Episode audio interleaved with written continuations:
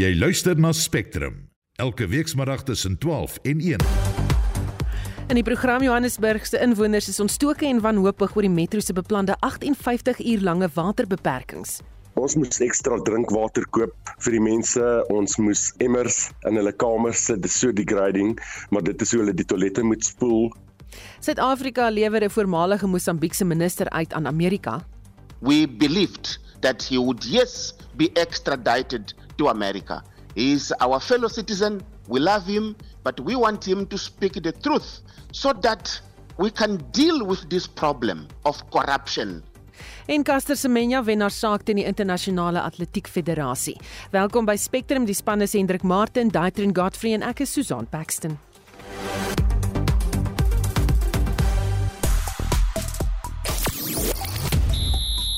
In jou sportnuus, ons gaan maak 'n draai by Wimbledon vir dag 9 se aksie. Goeie nuus vir Caster Semenya en 10 verandering aan die Springbokspan wat die naweek die All Blacks pak. Nou hierdie week se goue weer het verkeer, verkeer oral in die land ontwrig. Verskeie bergpasse in die Wes en Oos-Kaap is gesluit. Hoe raak dit weer jou? Jy kan ook oor enige van die ander stories waar ons berig saam praat. Stuur 'n SMS na 45889. Onthou SMS se kos R1.50. Jy luister na Spectrum elke weekmiddag tussen 12 en 1. En is presies 5 minute oor 12. Ons sal nie met die konstruksiemafia onderhandel nie, so sê die ANC se nasionale uitvoerende komitee nadat dit bekend geword het dat die KwaZulu-Natal se ALR vir openbare werke, Sipunkosi, met die konstruksiemafia in die provinsie wou praat. Dit nadat die konstruksiemafia die bou van 'n skool in die gebied in die wiele gery het, die ANC se hoof van ekonomiese transformasie, Mamaloko Kubai, sê die regering sal nooit met 'n organisasie wat die ekonomie saboteer onderhandel nie. Ons praat nou met die politieke skrywer en joernalis Jan Jan Joubert. Goeiemôre Jan Jan. Goeiemôre. Um, ek wil vir jou sê die weer hier by ons in die Parel is so koud. Jy kan dit nie reken nie, maar dit is 'n pragtige dag. So jy sien teen Parelberg net hoe loop die sneeu en die water af. Dit is te mooi. O, oh, dit klink uh, idillies om te sien. Uh, ons het nou nie daar in die prag berg by ons nie, maar dit is koud. Ons het dit darm. sê vir my Jan Jan, um, as ons kyk na KwaZulu-Natal, hoe groot is die inmenging van die konstruksiemafia in die provinsie? Is enorm um, om die waarheid te sê die konstruksiemaatskappye die kleiner konstruksiemaatskappye daar is besig om die een na die ander lepel in die dak te steek. Het 'n vriend wat konstruksiewerk doen by een van die groot dorpe daar in KwaZulu-Natal en um, as hulle die konstruksiewerk moet doen hierdie is belangrike werk waarmee hulle besig is vir die land. Um, dan moet hulle in die oggende gehaal word uh, by hulle plek waar hulle nou bly en dan um die polisie begelei hulle na waar hulle werk en hulle ry elke dag 'n ander roete sodat daar nie pogings tot sluipmoorde is nie en dit is so erg dit daar gaan. So dit is my verstommend dat Momoloko Bay seker nie verstommend of verrassend nie sy's in die ANC regering maar as 'n Suid-Afrikaner as iemand met 'n IQ bo 20 um dat sy verras kan wees oor enige iets wat met die konstruksiemafia aan die gang is so asof sy in 'n lang droom was seker besig om haar naalste politoer soos sy gedoen het daai destyds met die met die ondersoek na president Zuma want sy het iets groot misgeloop en dis dat die konstruksiemafia in hierdie land en veral in daardie provinsie 'n enorme probleem is. Um jou reaksie op die ALR wat met hierdie groep wou onderhandel Ja, dit is verstommend. Dit beteken hulle weet wie die mense is en um as hulle weet wie die mense is, hoekom laat hulle hulle nie vervolg nie. Uh dit is seker eweneens maar die ANC daai. Um jy weet as hulle met niemand onderhandel wat die ekonomie van die land ondermyn nie, gaan hulle ook nie met hulle self kan praat nie. So um dis dis wye woorde daai van van Kubai. Dit beteken min. Um die punt hier is dat daardie probleem moet opgelos word, maar daardie probleem kan nie opgelos word deur onderhandelinge met kriminele nie. Daai mense moet gevang word. Maar nou soos wat ons gesien het uit die voorbeeld wat ek genoem het, die polisie weet wie die mense is, hulle is te bang om hulle te vang. So solank as wat dit waar is, um jy weet uh, dan dan is dit baie moeilik om die probleem op te los. So wat um die situasie betref wat ek dink net op 'n wyeer politieke punt want hier is 'n kriminele punt, daar's nie reg en verkeerd nie. Jy moet die mense vang, jy moet hulle in die tronk kry en hulle moet hulle straf uitdien. Ehm um, so kom ons sê dit nou gedoen word. Die interessante ding op politieke vlak is duidelik dat die ehm um, dat die eh, verhouding tussen die nasionale ANC en die KwaZulu-Natalse ANC moet baie sleg wees. Dis iets wat ek al lankal dink. Ek dink die KwaZulu-Natalse ANC is buite beheer. Waar het jy nou al ooit gehoor dat die nasionale minister in die openbaar die LER aanspreek oor iets waar sy kon hom ons gebel het? So daar kan nie ordentlike um, verhouding wees tussen die Natalse um, ANC en die nasionale ANC nie. Buitendien, um hoe is dit moontlik dat in so 'n organisasie daar nie reeds kennis is dat daar wel met hierdie tipe van mense onderhandel word nie. Dis algemene kennis. Miskien nie vir mevrou Kubai nie, maar vir die res van ons ja. So, ehm um, dit gaan vir ons interessant uitspeel na volgende jaar se verkiesing toe want ek dink die verhouding tussen die nasionale en die Natalse ANC is so sleg dat dit Inkatha se hand gaan sterk in die onderhandelinge na die verkiesing want ek dink nie die nasionale ANC wil eintlik die Natalse ANC so vreeslik graag daarin bewind hê nie. Hulle gaan waarskynlik beter kan werk met 'n eerbare regering onder 'n IFP beheer as 'n oneerbare regering onder hulle eie party se beheer. Onthou dat daar amper niemand in KwaZulu-Natal se ANC is wat vir um president Ramaphosa gestem het nie hulle het almal vir Lemini Zuma gestem of vir um uh, vir Zweli Kies wat albei van KwaZulu-Natal afkom. So ek dink die groot ding hierso, as ons nou wegbeweeg van die noodwendigheid daarvan dat jy nie met kriminele kan onderhandel nie, jy moet hulle in die tronk gooi, is dat daar duidelik absoluut geen kommunikasie is tussen die nasionale en die provinsiale ANC nie en dat die provinsiale ANC in KwaZulu-Natal heeltemal buite beheer is. Baie dankie, dit was die politieke skrywer en joernalis Jan Jan Jubber. Daar's nog geen duidelikheid of die aanvalle op vragmotors die afgelope week enigstens met mekaar verband hou nie en uh, dit is die mening van Lingule of Lingule Toy, 'n vragmotorbestuurder wat vroeër met SAK nuus gepraat het. I'm not quite sure. I'm not quite sure. That is why I'm saying so. We are also in question of these things that are happening because it's happening in KZN, Limpopo, and I hear now that there's been an incident in, in Pangeni. We are not sure what is happening. We wish to know also what is happening. Toe sê dit kan ook wees dat die aanvalle niks met buitelandse vragmotorbestuurders te maak het nie. Whenever the communities are unhappy, they go to the roads, spend trucks, spend tires. So anyone can do this thing. We are not quite sure who is behind these attacks. Even the truck drivers are now afraid of these attacks. Toe sê verder dat vragmotorbestuurders vir hulle lewens vrees. It has a huge impact because now we're afraid of driving at night and some of the companies don't pay for truck stops and mm. you are forced to drive uh, during the night where it is unsafe even to drive. So it has a negative impact on us as drivers. Some of us are pushing kilometers. Some of us are compensated on load commission. We have to drive on those incidents, whereas it is unsafe. It is not safe for us to drive during this time now. And I wish Shakas can be safe over this thing that is happening. Toe sê hy voorsien dat daar al meer aanvalle op vragmotors sal wees. I wish government can put more police on the road because for us it is unsafe to drive at night. And uh, we wish the law enforcement agencies can do their job so that we can also be safe. Because now, for us to drive at night, ah, we are afraid, we are afraid. That is what I want to say from my side. En dit was 'n vragmotorbestuurder Lungile Toy wat vroeër met SAK nuus gepraat het. Daar word verwag dat die voormalige minister van Finansies in Mosambiek, Manuel Chang, vandag aan die Verenigde State van Amerika uitgelewer sal word om op aanklagte van bedrog en korrupsie tereg te staan. Chang word sedert 2018 in Suid-Afrika aangehou. Chang was in beheer van Mosambiek se finansies toe die land geheime lenings van meer as 2 miljoen rand aan openbare maatskappye gegee het. Daar word beweer dat die geld gebruik is om 'n groot tuna visfabriek te koop, wat egter nie gematerialiseer het nie. 'n Teenkorrupsie aktivis van Mosambiek, Adriano Nuvunga, sê hy wil sien dat hy in Amerika verhoor word sodat dit nie toegesmeer word nie. Remember, this crime it has destroyed the prosperity of Mozambique, but it was committed using the international financial architecture. Mozambique is a victim. It was committed by Mozambicans, conniving with foreign banks and other people. Now, here in Mozambique, the people that were tried, because there was a trial in Mozambique, those who were tried here in Mozambique, they were treated like kings at the court they were not forced to speak the truth. Number one. Number two, the court allowed them to keep everything that they have stolen from the Mozambique people.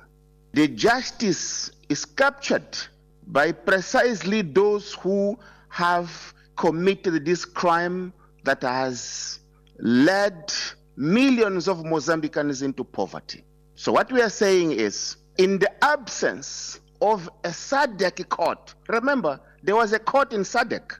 Countries like Mozambique came together to destroy that court, to deny the people of the region from having a place where to go in case of justice not being served in their respective countries. Nuvunga sê hulle hoop 'n suksesvolle vervolging sal as 'n afskrikmiddel vir ander korrupte politici in die streek dien. We are seeking two important things. Number 1, it's a fight against impunity, not in Mozambique only but in the region. This is number 1. Number 2 is that political significance that we hope that this won't happen again because although justice is captured domestically there are opportunities globally that can be used to hold perpetrators accountable. Hy sê dit is verheug dat Suid-Afrika ingestem het om Chang aan die Amerikaners uit te lewer. Since day one we believed in South Africa judicial system. From what we saw your judicial system doing to Jacob Zuma, a liberator, a former president, we believed in that judicial system. We believed that he would, yes, be extradited to America. He is our fellow citizen. We love him, but we want him to speak the truth so that we can deal with this problem of corruption that is sending millions of Mozambicans to poverty, is destroying the future of this and of future generations because few people they are in power. Dit was 'n teenkorrupsie aktivis in Mosambiek, Adriana Nuvunga, en ek is Hendrik Martin vir SAK nuus.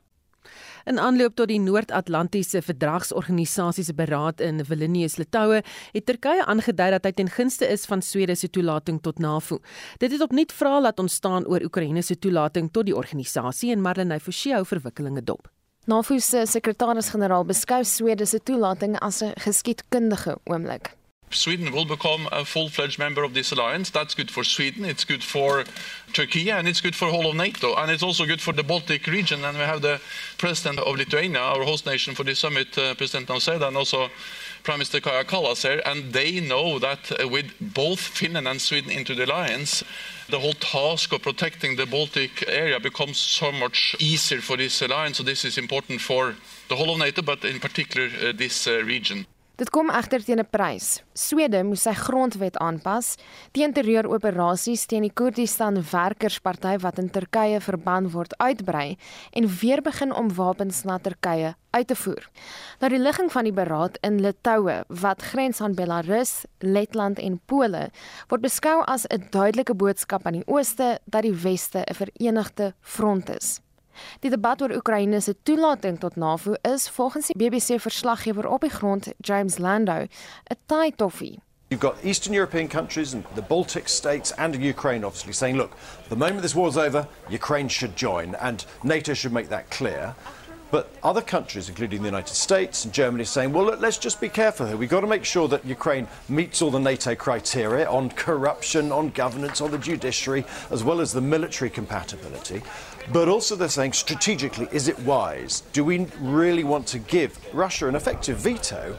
Over Ukraine's membership because they would then have a perverse incentive to drag this conflict out as long as possible to prevent Ukraine joining NATO. NAVO se voormalige adjunksekretaris-generaal Jamie Shea het sy verwagtinge vir vandag en môre gedeel. The first issue will be collective defense. The second big issue, apart from Ukraine, is going to be a meeting tomorrow with the leaders of the Indo Pacific partners of NATO. Japan, Australia, New Zealand, and South Korea are going to be in Vilnius. And then the third thing, of course, is the one that everybody's been talking about, which is the signal that's going to be sent to Ukraine. Intussen sê Zelensky hulle doen alles in hulle mag om deel te word van NAVO.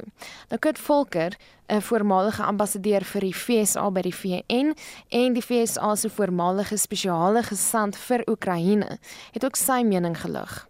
What we should be saying is that the commitment that NATO made 15 years ago to Ukraine's eventual membership is now becoming operational. We are going to begin the process. Several practical steps will be taken, and we will review this at the next meeting in Washington next year. Die beraad loop môre ten einde. Marlene Forsie, SAK nuus. Ons bly by die storie en vir sy mening, praat ons nou met professor Antoni van Nieuwkerk van die Nisa se Tabo Mbeki Afrika Skool vir Internasionale Betrekkinge. Goeiemôre Antoni. Dankie, goeiemôre. Kom ons begin by Swede se toetrede tot NAVO, jou reaksie daarop. Ja, uh Uh, mense sal wonder wat is dit wat Swede by NAVO soek en wat NAVO ehm um, sal baat vind uh by Swede se lidmaatskap. Uh en ek het 'n siniese interpretasie daarvan. Ehm um, maar dalk moet ek eers sê dat uh dat Swede en Finland daar in die Baltiese deel van van Europa het reg regwaar bekommerd geraak en ek dink hulle hulle bedreigingspersepsie het baie vinnig verhoog nadat dit duidelik geword het dat Rusland in die Oekraïne gaan bly uh en wil bly tot tot hulle oorwinning behaal. Uh en ek dink dit het hulle ge, uh, gaan gedreig gedryf om aan te sluit by NAVO. Hulle soek 'n soort van 'n verdedigings uh sambreel. Hulle wil deelneem aan die die breër organisasie en ehm uh, ek weet vir my is dit 'n 'n moeilike ding om te verstaan want ehm um, as jy dink aan die kaart Swede lê reg langs aan Rusland en hulle het hulle self onafhanklik uh of onverbonde gehou vir baie jare en dekades sodat hulle nie 'n bedreiging kon vorm vir vir Rusland nie en Rusland nie 'n rede gehad het om om Swede in te val nie en dieselfde met Finland. Nou het hulle albei gesê hulle skaar hulle aan die kant van NAVO wat nou aktief soos ons nou hoor in die beriggewing.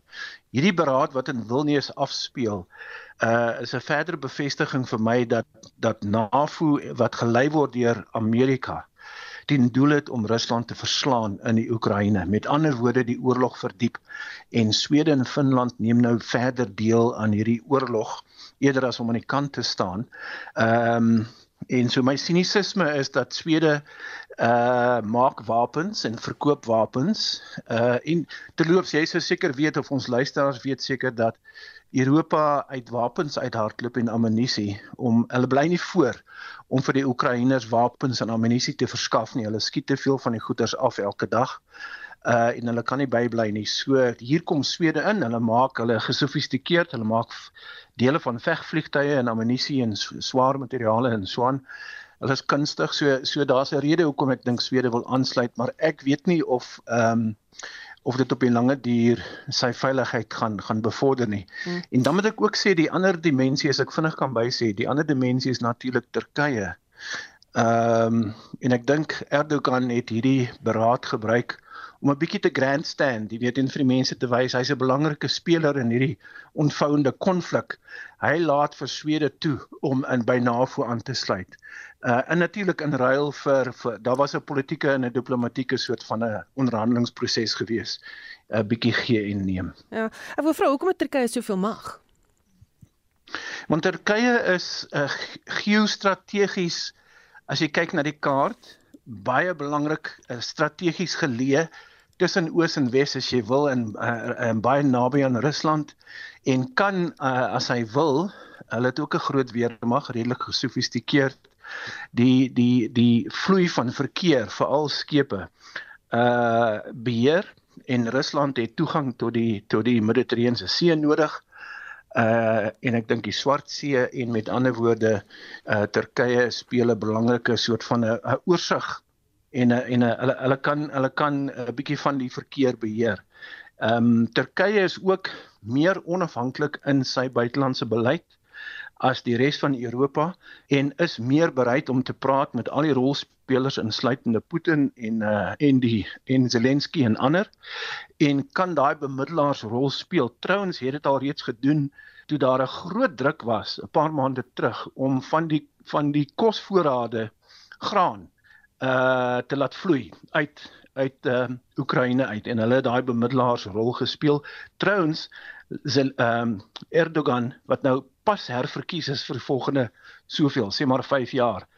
Dink dat hy trouens die die bemiddelaar kan die bemiddelaar kan word om die uiteindelike vrede te bring tussen Rusland en uh, en NAVO en Oekraïne. Ja.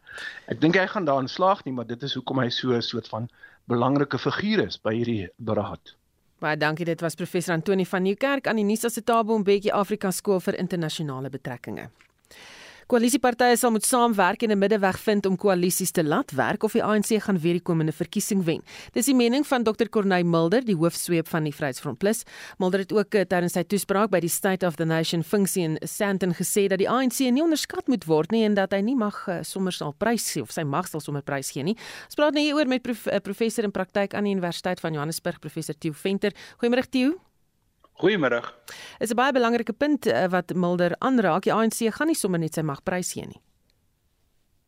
Nee, albei die punte wat ehm um, Corneille Mulder gemaak het is baie belangrik. Hy is natuurlik een van die argitekte van die samewerking en hy is veral baie aktief op die agtergrond tussen die verskillende uh, spelers wat nou same koalisie wil vorm en ek dink sy ehm um, sy waarskuwing kom kom betyds want ek het baie keer die indruk dat mense dink die ANC gaan sommer net goedmoeds gaan lê en en en uh um uh, verloor in die volgende verkiesing.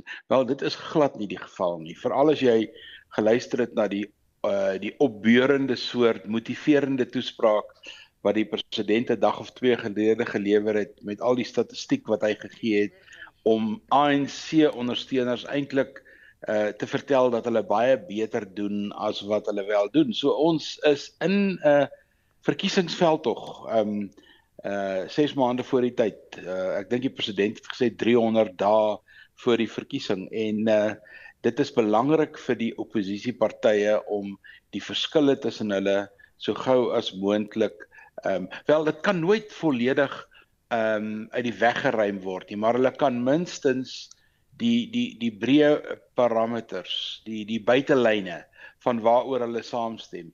Daaroor kan hulle baie vinnig eensstemmigheid ontwikkel. Hm, Wat vir vra, sal die oppositiepartye vereens hulle verskille kan oorkom ten bate van die land? Nee, nooit volledig nie, uh want ons het ons het 3 of 4 goed wat hier in die spel kom en hulle is almal moeilik um uh, bestuurbaar. Die een is natuurlik elke politieke party wat deel is van hierdie koalisie het verskillende beleide. Dis die dis probleem nommer 1. Die tweede probleem is elke een van hierdie politieke partye het 'n leier wat voel dat hy het 'n bepaalde soort seggenskap of hy het 'n 'n bepaalde rol wat hy kan speel. Kom ons noem dit die politieke egos. Dis ook moeilik om te bestuur. En dan is die hele kwessie van samewerking. Um, ons het nou-nou by Antoni mooi gehoor hoe verduidelik hy Turkye se rol in NAVO. Turkye Turkye is 'n is 'n kleinerige speler, maar tans 'n belangrike speler. En hy wou demonstreer hoe belangrik is hy. Wel, elke politieke party in 'n koalisie sit met amper dieselfde soort probleem. Hy mag 'n 1% of 'n 2% party wees, maar sonder hom kan die ehm um, die koalisie nie werk nie. So dit moet 'n mens uh in in gedagte hou. En dan die laaste probleem wat waarskynlik die meeste dilemma's gaan veroorsaak is as die koalisie nou werk. Wie praat namens hulle? Wie gaan hulle voorstoot as die segspersoon of gaan hulle uh dit 'n gesamentlike leierskap maak. Nou 'n gesamentlike leierskap, met ander woorde, uh waar jy 4 of 5 leiers het wat eintlik as 'n soort um dagbestuur werk um of as 'n soort pakt werk het ook sy eie stel probleme en die vraag is wie gaan die meeste praat? Hulle gaan mekaar dophou. So jy kan hoor, daar's 'n klomp goed wat uh, so 'n koalisie moet uitwerk en en uh, onderling eensstemmigheid kry sodat hulle die ANC uh, in 'n verkiesing kan aanpak. Goed, uh, jy het nog gepraat van president Cyril Ramaphosa wat na afloop van die UNIKA vergadering gesê het dat die ANC baie vir die mense verrig het en bereik het en dat hy oortuig is daarvan dat die ANC wel die 2024 verkiesing sal wen. Hoe seker is of kan Ramaphosa van sy saak wees? Wel, kom ons gebruik net een van die getalle wat hy hy uh, gelewer het. Ek het ek dink die syfer is 92% van alle Suid-Afrikaners het toegang tot elektrisiteit op papier is dit absoluut waar. Ons het toegang tot elektrisiteit, maar soos ek hier met jou praat uit Potchefstroom met ons beerdkrag. So ek het toekom ek het toegang tot elektrisiteit, maar ek kan dit nie benut nie. So daar lê 'n Daar lê 'n geweldige groot probleem. Mense het toegang tot dienste, maar dit word nie gelewer nie. Mense het toegang tot water, maar die water is van 'n swak gehalte. So die oppositiepartye kan in hierdie statistiek wat die president gegee het as 'n positiewe prentjie vir Suid-Afrika, uh, hulle kan hulle kan bal jaar in daai statistiek as hulle nou net ehm um, slim genoeg is. So dit is so dat ehm um, die uh, Engels het 'n baie mooi woord wat ek nog nie lekker in Afrikaans um, kon vertaal nie en dit is ehm um, die waarde van incumbency. Met ander woorde die voordeel daarvan om in die leierskapsposisie te wees. Maar dit stel jou in staat om 'n klomp goed te doen mm. wat die oppositiepartye nie het nie. Baie dankie. Dit was 'n professor in praktyk aan die Universiteit van Johannesburg, professor Tieu Venter. Die weerdiens waarsku dat die koue temperature in groot dele van die land tot veeverlies kan lei, maar watter impak het dit op landbougewasse? Corneil Lou, die hoof van toegepaste ekonomie en lededienste by Graan SA, sluit nou by ons aan. Goeiemôre Corneil. Hi Susan, uh goeiemôre en goeiemôre aan al die luisteraars. Mense gooi hulle roosbome en ander plante met streepsakke toe om hulle teen die koue te beskerm. Watter gevare bring hierdie koue vir uh, gewasse? Susan, ek dink dit hang baie af van uh die tyd van die jaar. Hierdie tyd in die graanbedryf is eintlik meer voordelig as wat dit nadele het.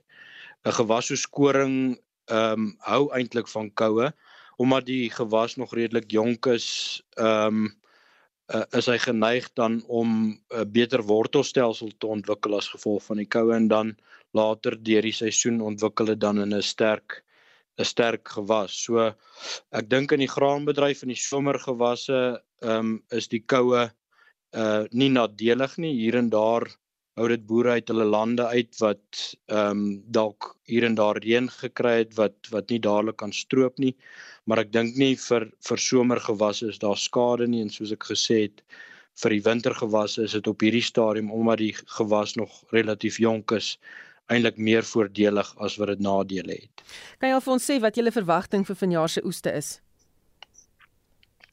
Ek dink vir die wintergewasse definitief meeste van ons uh wintergewasse word in die in die Wes-Kaap uh van die land geproduseer en uh tot op hierdie stadium het die fronte en die koue wat ons nou beleef het het reën vir die Wes-Kaap gebring. Ehm um, soveel so dat die die die aanslag vir die seisoen op hierdie stadium baie goed is. Baie van die produsente in die Wes-Kaap ehm um, sal eerder klaar dat dit nou te nat is. Hulle kom nie in die lande in om ehm um, hulle gewasse te spuit vir onkruid en vir swambeheer nie. So ehm um, ek dink die die koue wat ons hier voel in die binneland is is weer voordelig vir die winterreën in die Wes-Kaap en ook dan vir ons gewasse soos koring, canola, uh gars en en haver. Baie dankie. Dit was Corneil Lou, die hoof van toegepaste ekonomie en lededienste by Graan SA. Spectrum, jou middagnuusprogram op RSG. Alter die program verdagtes is geïdentifiseer in verband met Saterdagnag se aanval op 6 vragmotors op die N3 by die Van Reenenspas nadat die polisie beeldmateriaal van die aanvalle bestudeer het en Caster Semenya wen na saak teen die internasionale atletiek federasie. Bly ingeskakel.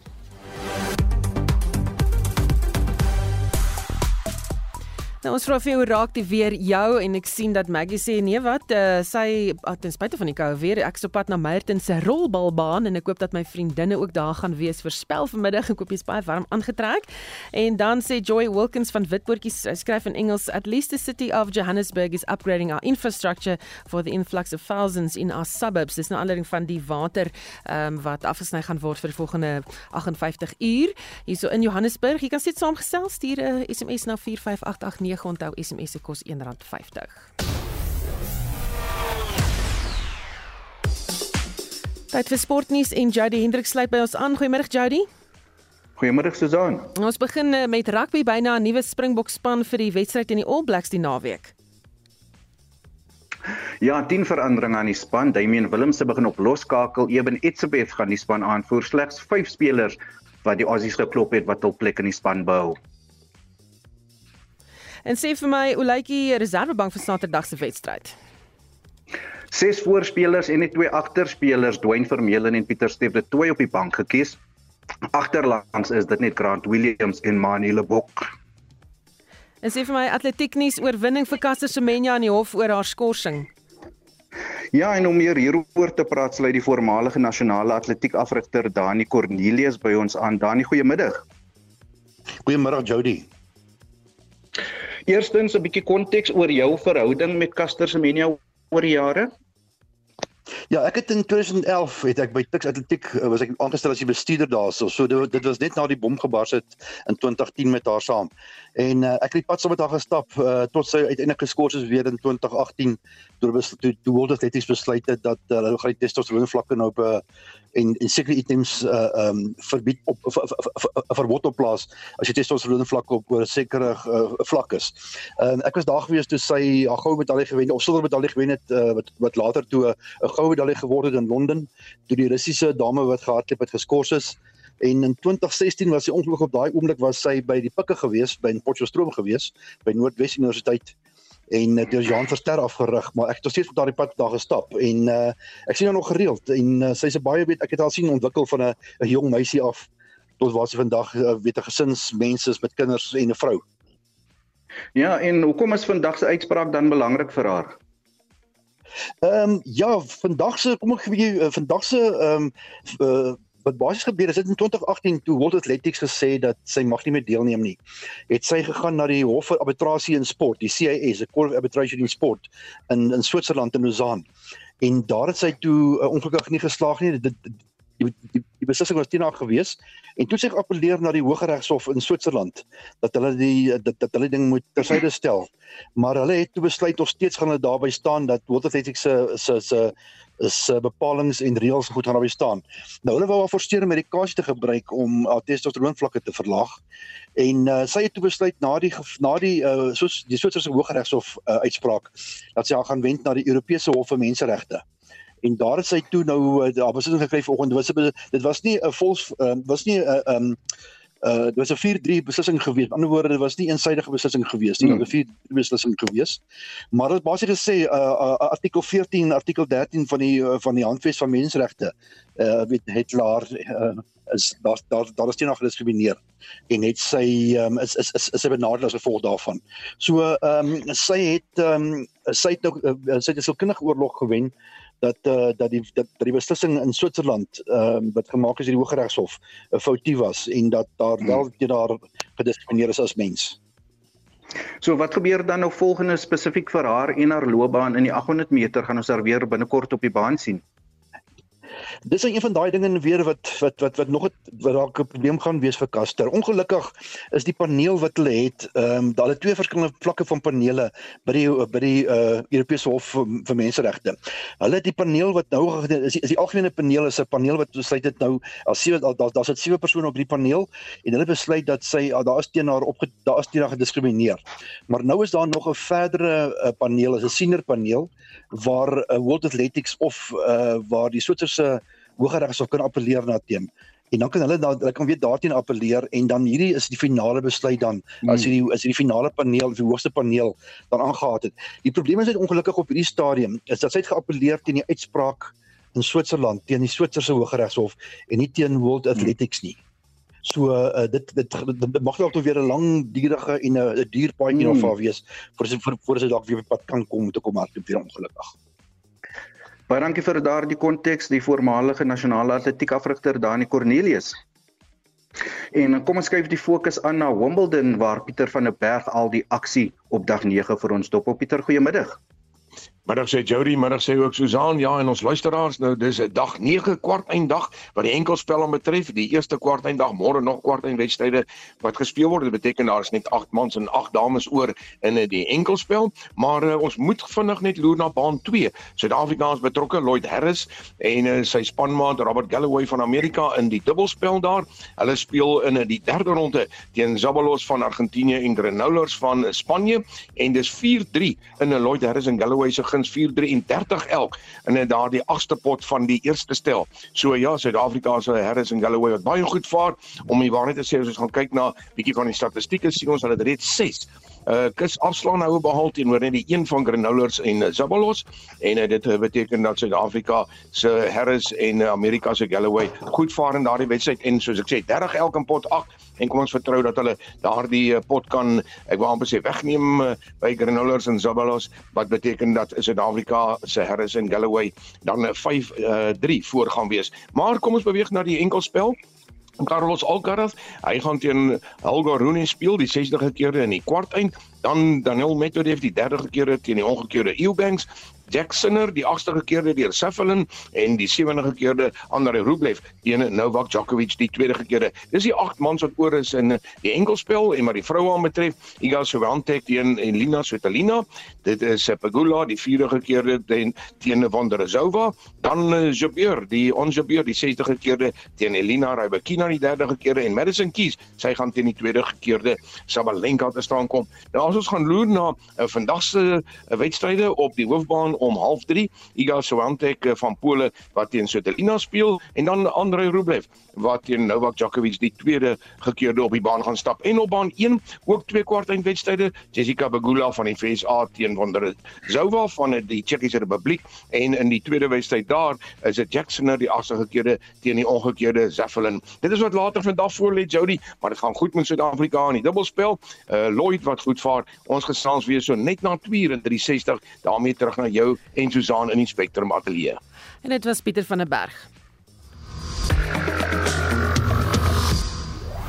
Spectrum, jou middagnuusprogram op RSG bykans 18 minute voor 1. Randwater se 58 uur lange waterbeperking weens herstel en instandhoudingswerk aan pompstasies in Johannesburg begin vanaand om 7 uur.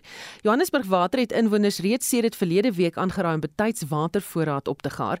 'n Verklaring wat gister deur Johannesburg Water uitgereik is, veroorsaak egter verwarring onder inwoners in die 137 woonbuurte wat geraak word of oor of dit 'n totale wateronderbreking is.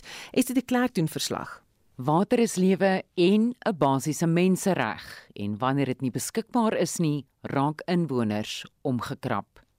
Geen oorseese toerist verstaan hoe dit world class is dat ons bykans nooit elektrisiteit het nie en dan ook nie water nie. Hulle kan dit eenvoudig nie verstaan nie. Hulle kan nie verstaan hoe het jy tye van 'n dag nie elektrisiteit nie? Hoe het jy tye van die dag of glad nie water nie? Die local mense is nog alright want hulle gaan maar deur dieselfde afhangende van wat se area af hulle is, maar die internasionale gaste verstaan dit glad nie. Dit is die stemme van Andriet Snyman, 'n Airbnb-eienaar en Rudy Tennyson, 'n gastehuis-eienaar in Melville dis moeilik genoeg om hulle te akkommodeer as daar nie elektrisiteit is nie, maar jy kan 'n plan maak met kersse en wat ook al. Met water is daar min planne te maak.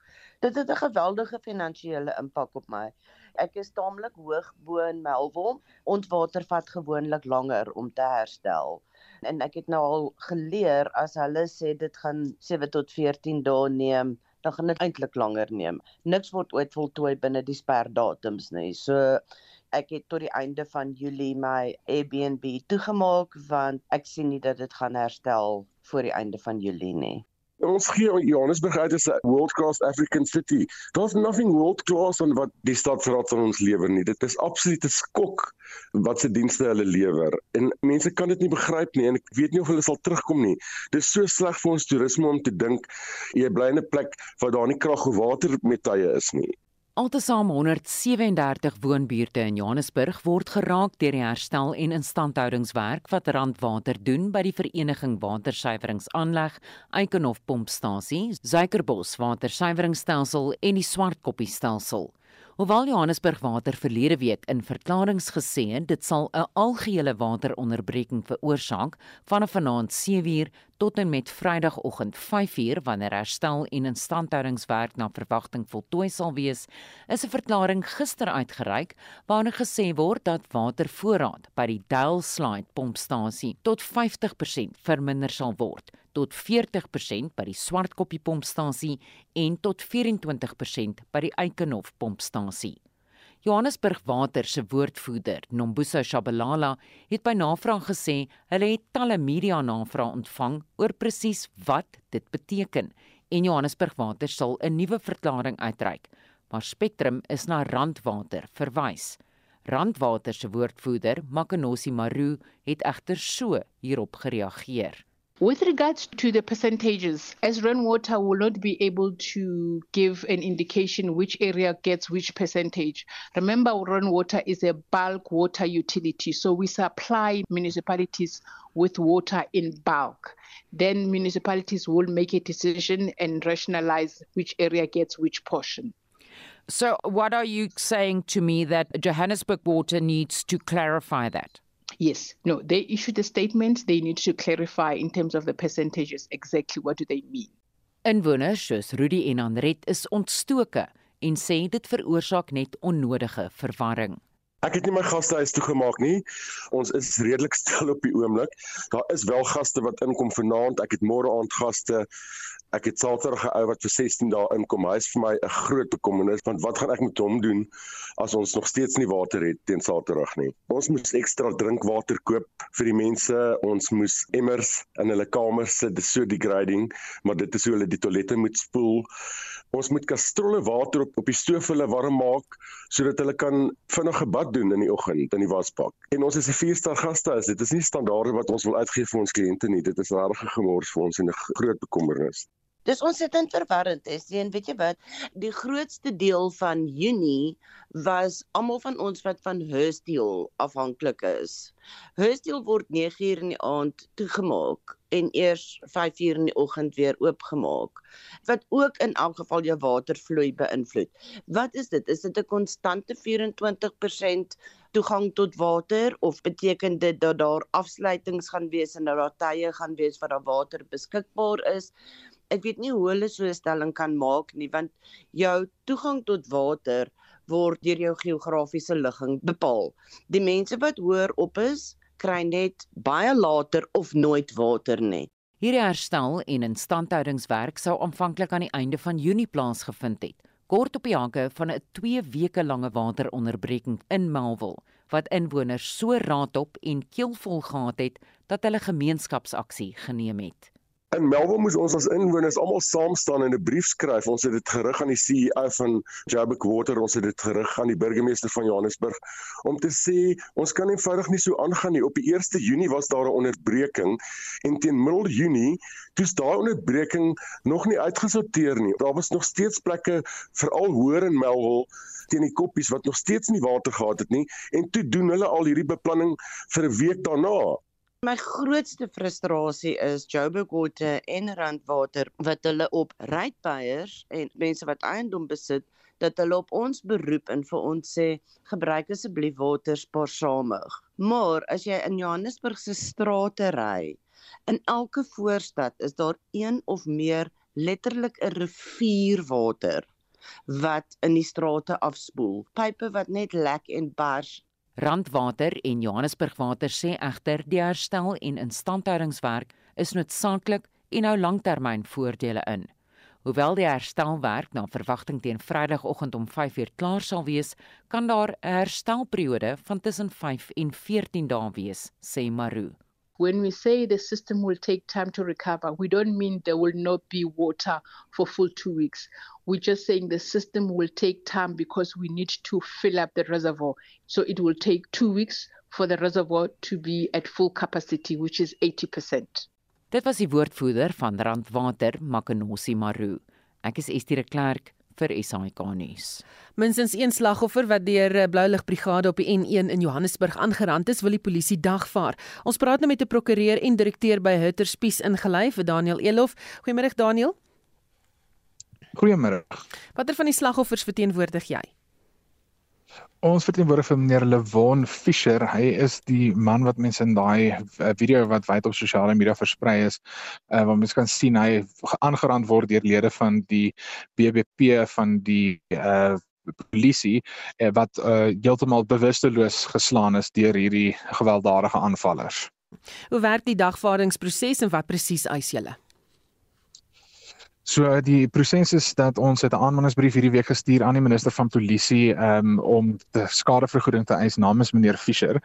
Dit is nou gedoen in terme van 'n spesifieke stuk wetgewing wat vereis dat mens moet eers vir enige staatsentiteit kennis gee van jou voorneme om dit te dagvaar. Uh die regering het nou so 60 dae om daarop te reageer en indien hulle dan nie doen nie, dan reik ons ons dagvaarding teen die minister uit om vir die ehm um, skade te eis. Die bedrag wat ons op die oomblik verdagvaar is 1 miljoen rand, maar daardie bedrag kan uit die aard van die saak op of af uh, aangepas word afhangende van die mediese verslae wat ons kry wat die skade wat meneer Fischer gelei het behoorlik uiteensit. En hm. so daar is nog nie sprake van strafregtelike vervolging wat plaasvind nie. Sou dit egter gebeur sal die twee sake saamloop? Nee, so kyk, is twee verskillende prosesse, die strafregtelike en die sivielregtelike proses en daar's natuurlik ook die die oopot ondersoek wat wat uh, tans plaasvind. Ons het gisteraand gehoor dat die agt lede van die BBP is toe nou wel geskort en ons is dankbaar daaroor, maar nou met die verdere stappe natuurlik plaasvind. Ehm um, die sivielregtelike klagtes en die strafregtelike klagtes teen hierdie hierdie twee mense, of hierdie agt mense. Hmm. Ons verstaan dat uh, Levon Fischer steeds nie met die media mag praat nie, probeer hulle die bevel ook omkeer. Wel die, die die hy praat nie met hulle nie net uh, my mag en vinnig. Daar's nie 'n bevel wat hom eintlik verhoed nie. Die bevel wat gegee is deur die die oppergesag van van die weermag is eenvoudig onwettig. So ek het vir meneer Fischer uh, gesê hy mag met enigiemand praat met wie hy wil. Trouwens hy het vanoggend media onderhoude gehad en as daar dan gevolge vir hom is dat hom byvoorbeeld afdank as gevolg daarvan, dan sal ons en waarskynlik sy vakbond die Suid-Afrikaanse nasionale ehm um, weermag unie sal hom ten sterkste ondersteun want dis eenvoudige onregmatige en onwetlike uh, vereis staan om te stel. Meneer Fischer kan in sy private tyd uh, gesels oor 'n insident wat plaasgevind het terwyl hy nie aan diens was nie en wat 'n insident wat nie plaasgevind het op 'n militêre perseel nie. Hmm. Enige rede wat die weermag dalk verskaf het hoekom hulle dit vereis? Ja, maar waarskynlik is hulle besig om die die misdadigers te probeer beskerm. Dit uh, is dis eintlik skokkend as mens daaraan dink dat die weermag nie sy eie werknemer beskerm nie en en die hulp verleen wat hy in hierdie tyd so broodnodig het nie, maar bereid is om ehm um, wat ek maar sal sê kriminele binne die polisie is te beskerm. Dit dis net skokkend. Mense kan dit amper nie glo nie. Hmm. Baie dankie. Dit was Daniel Elof, 'n prokureur en direkteur by Hurterspies ingelyf. 'n Suid-Afrikaanse biomediese ingenieur het onlangs die tweede Suid-Afrikaner geword om die Royal Academy of Engineering in Engeland se Afrika-prys vir innovasie te ontvang. Edmund Wessels, verbonde aan die Universiteit van Kaapstad, het 'n battery aangedrewe draagbare toestel ontwerp wat ginekoloë in staat stel om probleme in vroue se baarmoeders baie makliker te identifiseer en te behandel. Hy sê dit kan 'n groot verskil maak in veral behoeftige vroue se toegang tot eenvoudige pynlose prosedures om goed soos bloeding, um kanker of polyps selfs te diagnoseer en behandel en die probleem daarmee is dat hulle moet tot 10 maande wag vir hierdie operasie wat 10 minute lank vat en dit kan tegnies buite die teater plaasvind maar die bestaande toerusting is te duur en veroorsaak te veel pyn vir die pasiënt. So ons het Flexigen ontwikkel spesifiek vir ietsie wat mobiel is en ook wat ontwikkel is vir die pasiënt. Hy sê ons deurentyd met ginekoloë saamgewerk om te verseker dat hierdie toerusting nie pyn veroorsaak nie en dat die relevante prosedures in klinieke of selfs in die spreekkamer uitgevoer kan word. Hy werk nou in 'n laboratorium wat deur dokters genader word om spesifieke toerusting te ontwerp. Dit is toevallig dat 'n briljante ginekoloog na ons toe gekom het en ons sê luister, kan ons nie ietsie ontwerp dat hierdie toerusting meer bereikbaar is vir ons as ginekoloë nie want op die oomblik is dit te duur. Selfs in die private sektor kan hulle nie hierdie goed bekostig nie. So sy het my ingevat in die teater en laat ek presies sien hoe dit werk op die oomblik en vir my met al haar jare ervaring my verduidelik van okay wat affekteer die pasiënt. So as dit te reguit is, as dit te styf is, as dit te groot is, dan is al hierdie goed wat die pasiënt affekteer. En dit is goed wat ek moet in ag neem in my ontwikkelingsproses. Nou die prysgeld van bykans 600 000 rand gaan gebruik word om sagte ware vir die produkte ontwikkel. Ons wil nie net hê dat Flexigen moet vir ginekoloë wees om operasies te doen nie. Ons wil graag 'n sagte ware platform ontwikkel wat dit toelaat dat GPs net maar dit gebruik om die operasie te doen. Hulle kan dan met die toerusting foto's neem, video's neem van wat ook al foute is en dan dit stuur na die ginekoloog toe deur ons sagte ware platform. Nou beteken dit net soveel meer operasies kan plaasvind want dit is nogal 'n probleem deesdae dat ons te min spesialiste. So ons kort 'n manier om meer operasies te kan doen in hierdie veld. Die hoop is om die toerusting oor 2 jaar beskikbaar te stel. As dit kom met mediese toerusting, is dit baie belangrik om seker te maak dat dit 100% veilig is en ons het streng regulasies in die veld wat nodig is, maar as gevolg daarvan is dit nogal 'n lang en duur proses. Wessels het saam met Chris Munier die maatskappy Wasmet Tech gestig en ontvang heelwat ondersteuning van die universiteit, nie net in die ontwikkeling van die produk nie, maar ook om te verseker dat die produk by mense uitkom. Dis nie genoeg om net tegnologie te ontwerp en dit dan op 'n rak te sit en hoop dit word eendag uitgestuur nie. So ons werk ook daaraan hard om die besigheid aan die gang te kry. Dit was Edmund Wessels, 'n biomediese ingenieur aan die Universiteit van Kaapstad. Marlene Forsie, SAK nuus. Nou Justin is in die ateljee met die nuusopsomming. Rolspelers in die vervoer en logistieke bedryf vra vir beskerming na vragmotors aan die brand gesteek is. Ja, so wat 17 vragmotors is die afgelope paar dae in KwaZulu-Natal en Mpumalanga en Limpopo aan die brand gesteek. Nou Dr Paul Nordingen, die direkteur van Heavy Vehicle Transport Technology Africa, eis dringende optrede. It's tragic what's happening in the last few days. From an economic point of view, obviously the closure of these major corridors has a huge impact on the freight movements. Many of the transport operators, their contracts, they have very, very fine margins. So when they have delays or never mind the trucks that are actually burnt and the cargo destroyed, all the other trucks that are delayed, it has a huge impact on their margins, especially the smaller companies. Nou so ook sê Satawu se Amanza Temese dat hulle 'n formele brief aan die minister van polisie sal skryf om polisiebegeleiding te versoek. En aan 'n ander nuus, studente aan die Tshwane Universiteit van Tegnologie sê hulle sal voortgaan met betogings tot die minister van hoër onderwys, Blyden Simande, aan hulle eise voldoen. Nou studente het weer die ingang na die hoofkampus in Pretoria Wes versper oor die implementering van NSFAS se nuwe e-Zaga toepassing wat maandelikse toelaas aan studente vergemaklik. Die universiteit se woordvoerder, Papama Tsiwikawe, sê hulle probeer oplossings vind. The Tshwane University of Technology is aware of sporadic student protests at some of our campuses regarding the new NSFAS payment system. As we speak, meetings are currently underway between management and student leaders so as to find a speedy, viable, and sustainable solution and also restore normality at our campuses. Dan het Dr Corneil Mulder van die VF+ vroeër gesê koalisiepartye sal moet saamwerk en 'n middeweg vind om koalisies te laat werk of die ANC gaan weer die komende algemene verkiesing wen. Nou ons het professor Theo Venter gevra of die ANC so maklik sy mag sal prysgee.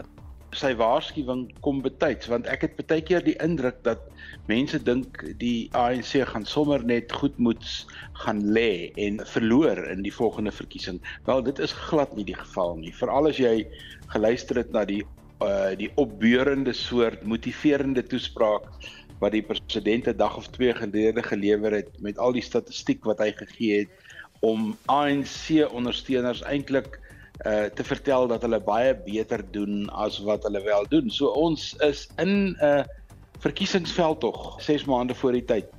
Stem van professor Theo Venter en Justin Kennerly het vir ons die nuusopsomming gehad. Ons groet ons uitvoerende regisseur Nicoline de Wee, vandag se redakteur Hendrik Martin, ons produksieregisseur Daitrin Godfrey. My naam is Susan Paxton. Geniet jou middag.